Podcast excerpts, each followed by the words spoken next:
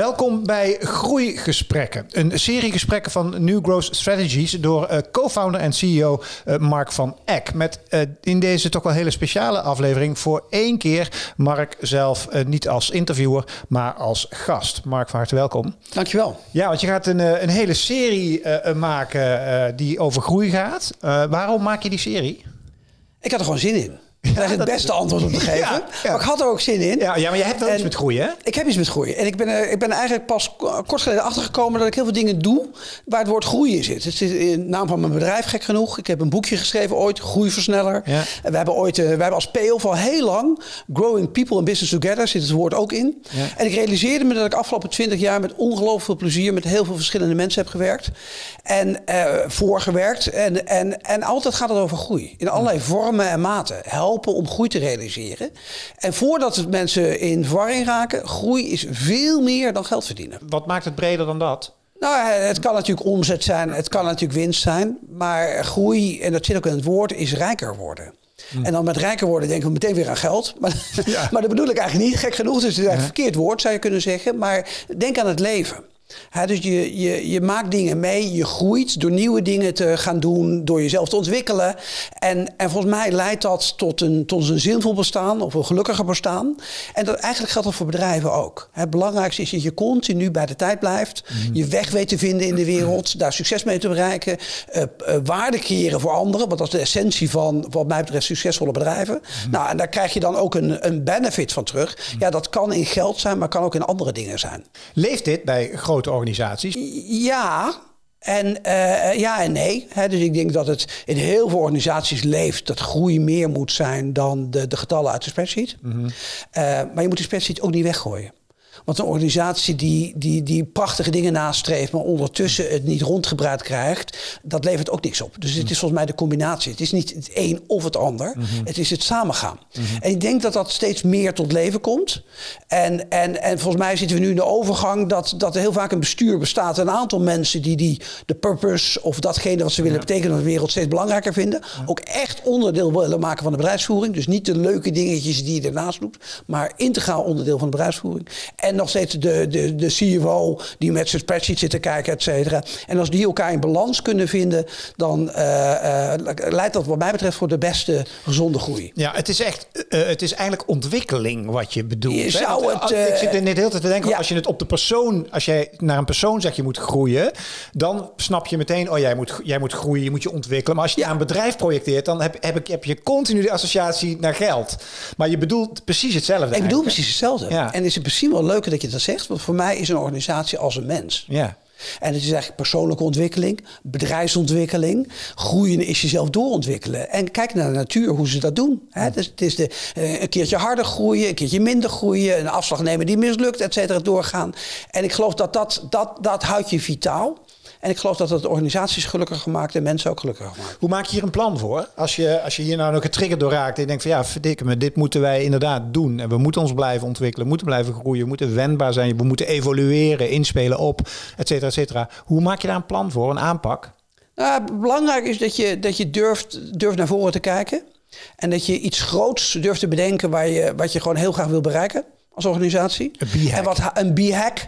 En, en wat haast onmogelijk is. Dus ik heb het heel vaak over het onmogelijke mogelijk maken. En, en, en daar, niet, daar niet te behoudend in zijn. Hm. Dus heel groots denken. Eigenlijk iets durven zeggen, ja, we willen dat en dat worden. En vervolgens dat terugvertalen tot hele kleine stappen. Dus de combinatie van heel groots en vervolgens heel klein is volgens mij het uh, succes voor groei. En hoe zorg je ervoor dat je niet um, wordt ingehaald door de, de dagelijkse realiteit. Druk, druk, druk. Door, door het belangrijker te maken dan de dagelijkse praktijk. Mm dus een week bestaat uit vijf dagen, of zes of vier. Het is maar net hoe je, hoe je het beschouwt. en, en de neiging is dat mensen zeggen: ik ben druk, druk, druk, druk. Dus ik doe op maandag, dinsdag, woensdag, donderdag doe ik de dingen die ik moet doen. En misschien heb ik dan op vrijdag tijd om te werken aan mijn grotere dromen. Mhm. Zullen we dat eens even omdraaien? Mhm. Zullen we op maandag beginnen te werken aan de grotere dromen? En misschien nog op dinsdag en misschien nog op woensdag. En dan doen we donderdag wel even de moedjes. En de rest van de moedjes doen we nog lekker niet. En dan hebben we vrijdag vrij. want een van de grootste vijanden van groei is het blijven doen van de dingen die je al deed. En de dingen die je al deed, deed je doordat je dingen bedacht hebt in het verleden. Ja.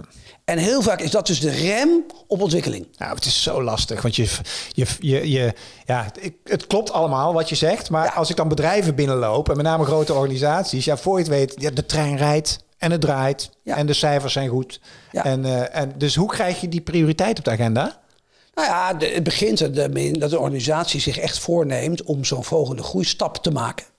En, dat, en dat beeld te maken, dat onmogelijke beeld, die b-hack, waar je ook echt wel zin in hebt, waar je echt voor gaat, die pijn durven aangaan. En vervolgens moet je er werk van maken om, om die dagelijkse dingen die je altijd doet ook echt te stoppen.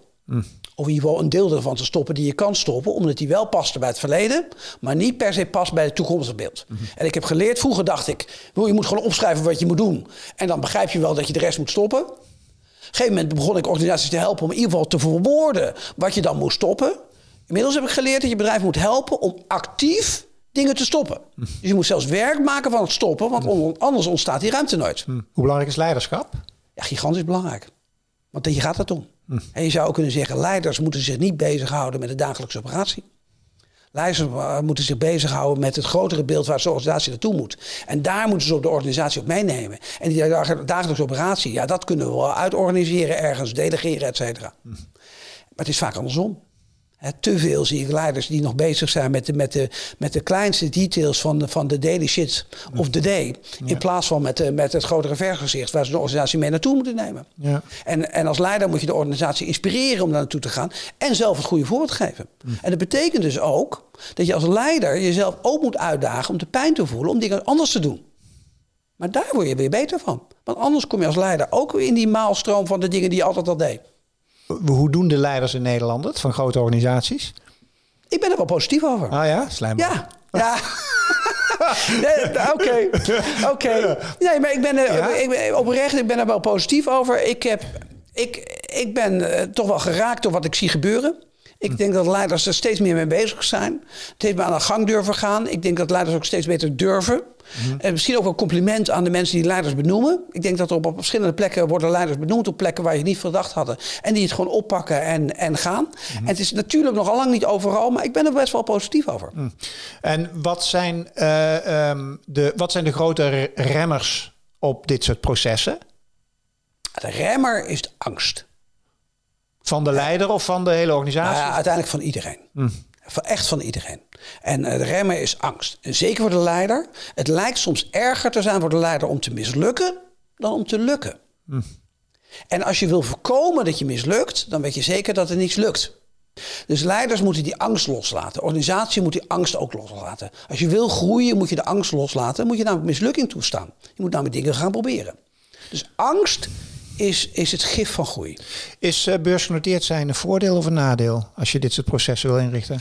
Het schijnt eh, een nadeel te zijn. Eh, omdat je dan de activistische aandeelhouders krijgt die nog wel alleen maar in de spreadsheet hangen. En dat is misschien waar. En, eh, en daar moet je tegen wapenen. En ik denk dat dat belangrijk is. Dus die beurs is niet heiligmakend. Eh, de beurskoers. En de aandeelhouder wil dit en dat. Et cetera. Dat is natuurlijk een beetje larikoek. Hè? Want die beurskoers gaat grotendeels gaat die mee met, met, eh, met, Sentimenten. met, met sentiment. Hè? Dus waar hebben we het over? Ehm, eh, ik denk dat we te veel naar dat sentiment luisteren.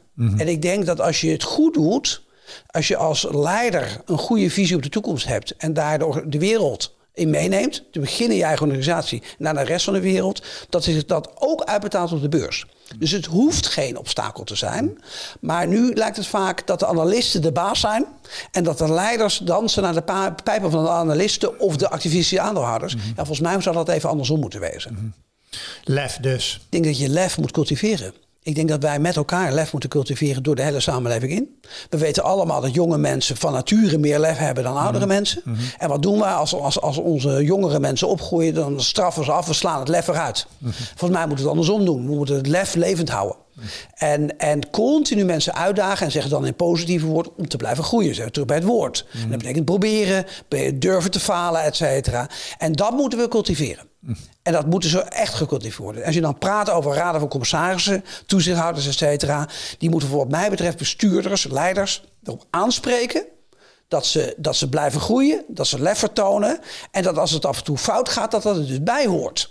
Sterker nog, een leider waar het nooit fout gaat, weet je één ding zeker, dan gaat het dus niet goed. Nee. Die groeit dus niet, heeft niet geprobeerd, heeft de veilige route gekozen. Moeten er twintigers in de raden van commissarissen?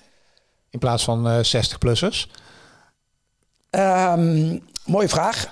Um, ja, maar ook gebeurt niet zoveel, hè? Wel. Dat nee, is nee. Nou ja, wel meer. Wel meer. Uh, um, ik had ooit een hoop een keer ook nog eens een keer commissaris te worden. En toen zei er iemand tegen mij van... Goh Mark, je hebt best een leuke achtergrond. Je hebt drie nadelen. Je bent oud, blank en man. Hmm. En toen wist ik, oké, okay, nou, die, die, I can shake it, maar vooruit. Uh, uh, ik zou er wel voor zijn om, in die hele discussies... maar ik zou er wel voor zijn om raden van commissarissen drie generaties te maken. Ja, precies dus dus een, een twintiger, een veertiger en een zestiger mm. of zo. Mm. En uh, want ik denk dat de wijsheid van die drie generaties elkaar weten te vinden... zou misschien een hele mooie balans geven. Ja. Twintigers moeten nog lang groeien. 60, 70 hebben al veel gegroeid, maar willen nog doorgroeien. Ja. zou een mooi ding zijn.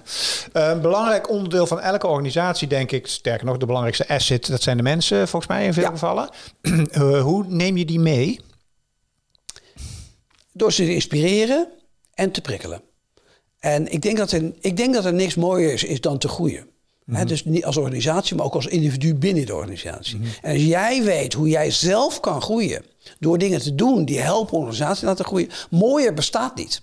Maar dus moet je mij ook oppoken. Je moet me de ruimte geven dat ik ook die fouten mag maken, dat ik het lef mag tonen. Je moet me inspireren met het goede voorbeeld. Maar alleen dat is niet voldoende. Je moet ook een beetje prikken. Uh, we moeten het met elkaar een beetje beweging brengen. Want het is uiteindelijk makkelijker om gewoon lekker op de bank te zitten. Mm Want dat betekent wel dat je. We, nogmaals, hè, we focussen ons een beetje in dit gesprek ook op de wat grotere organisaties. Het grote risico van grotere organisaties is dat er niveaus inkomen lagen. Hoe voorkom dat, ik kan me voorstellen dat, dat je die kleiner wil maken als je zeg maar, dat prikkelen op een goede manier wil doen tussen alle mensen. Hoe zorg je daarvoor? Nou ja, je moet dus de strategie van die grotere organisatie uh, moet je goed doorvertalen.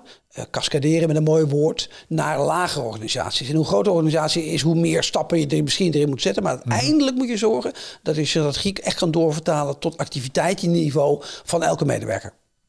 Uiteindelijk, en als je dat niet doet, en dat zie ik te veel gebeuren in organisaties. Ik zie heel veel organisaties die te weinig goede strategie hebben om ergens naartoe te bewegen. Maar ik zie ook heel veel organisaties die laten het een beetje midden. Ik heb een soort strategie, kan heel mooi zijn. Mhm. En die medewerker denkt, ja, ik weet eigenlijk niet precies wat ik ermee moet. Dus je moet, die, je moet vertaalslag maken. Of dan moet je dat niet maken voor de medewerker. Mhm. Je moet die medewerker helpen en uitdagen uh, en supporten om, om die vertaalslag zelf te maken voor zichzelf. Met het eigen team. Ja. Hey, en een van jouw uh, specialismen is, is branding, mag ik wel zeggen. Je bent veel met merken bezig. Ja. Um, ik kan me voorstellen dat als je hier branding op toepast, of je nou intern doet of naar buiten, naar de markt toe, dan moet die wel kloppen, hè? Ja. Ik bedoel, uh, hoe eng is dat? Nou, kijk, je moet dus heel goed nadenken. Dus daarom is het heel belangrijk om te weten waar je merk voor staat. Wat, mhm. je, wat je brand is. En dat brand moet heel erg passen bij dat beeld van wat je wil bereiken, waar je naartoe wil gaan. En als die twee dingen goed passen, dan gaat het, dan gaat het ook werken. Mhm. En dus moet je wegblijven van algemeenheden. Ik, ik, ik, kwam vanmiddag uit een, eh, uit een gesprek. En ik houd het een klein beetje, beetje algemeen. Maar mm daar was ook iemand die zei: ja, We zitten midden in een, nieuw, in een rebranding. En we hebben een paar nieuwe waarden. En een van die waarden is duurzaam. Ja, uiteraard. Want welk bedrijf doet het niet? Deskundig. Ja, uiteraard, want ze zaten in een vakgebied waar dingen goed moeten worden. En nog een woord ben ik weer even vergeten. Mhm. en dan is, dan is branding geen branding. He, dan gaan we eigenlijk in algemene zin gaan we beschrijven... wat er ongeveer in de maatschappij zich afspeelt... en wat er ons verwacht wordt. En dat doet niks. Mhm. Wat de uitdaging is, is dat je, dat je heel goed definieert... waar sta ik heel specifiek voor als merk... Net zoals waar sta ik heel specifiek voor als persoon. Mhm. en, en hoe past dat bij dat, bij dat grotere beeld, die b-hack of die objective in mijn taal, die je wil bereiken. En als dat met elkaar klopt, dan gaat hij echt vliegen. Mhm. En dat hele specifiek zijn, dat moet altijd gaan over wie ben jij binnen jouw markt. En moet niet je beschrijven van je markt zijn. Ja, oké. Nee, de reden waarom ik het ook vraag is dat ik zeker bij corporates vaak van die beloftes zie die zo hoog overgaan. Van, hè, we bedoel, het zijn van die wereldverbeteraars-achtige ja. uh, boodschappen. Dat ik denk. ja, maar daar moeten we dus van af. Hmm. En natuurlijk is dat een nadeel van als je te groot bent een organisatie, dan is dat heel lastig. Mm. Dus dan moeten we vanaf. Dan moeten we hem opknippen in kleinere stukken. En de zoektocht is om zelfs in grotere organisaties het meer betekenis te geven en specifieker te maken. Mhm. En, en eigenlijk tegen, tegen de, de, de raad van bestuur, hè, als je, als je zo'n proces met de raad van bestuur doet, ook met elkaar te zeggen, als dit onze merkdefinitie is, of noem het de purpose is, et cetera, wat is hier dan de consequentie van? En wat is de consequentie van waar jullie buikpijn van krijgen? En als dan het antwoord is, ja, nou, het heeft eigenlijk eh, geen, geen hele specifieke consequentie en dan krijg je geen buikpijn van, dan weet je dat je het niet scherp genoeg hebt gedefinieerd.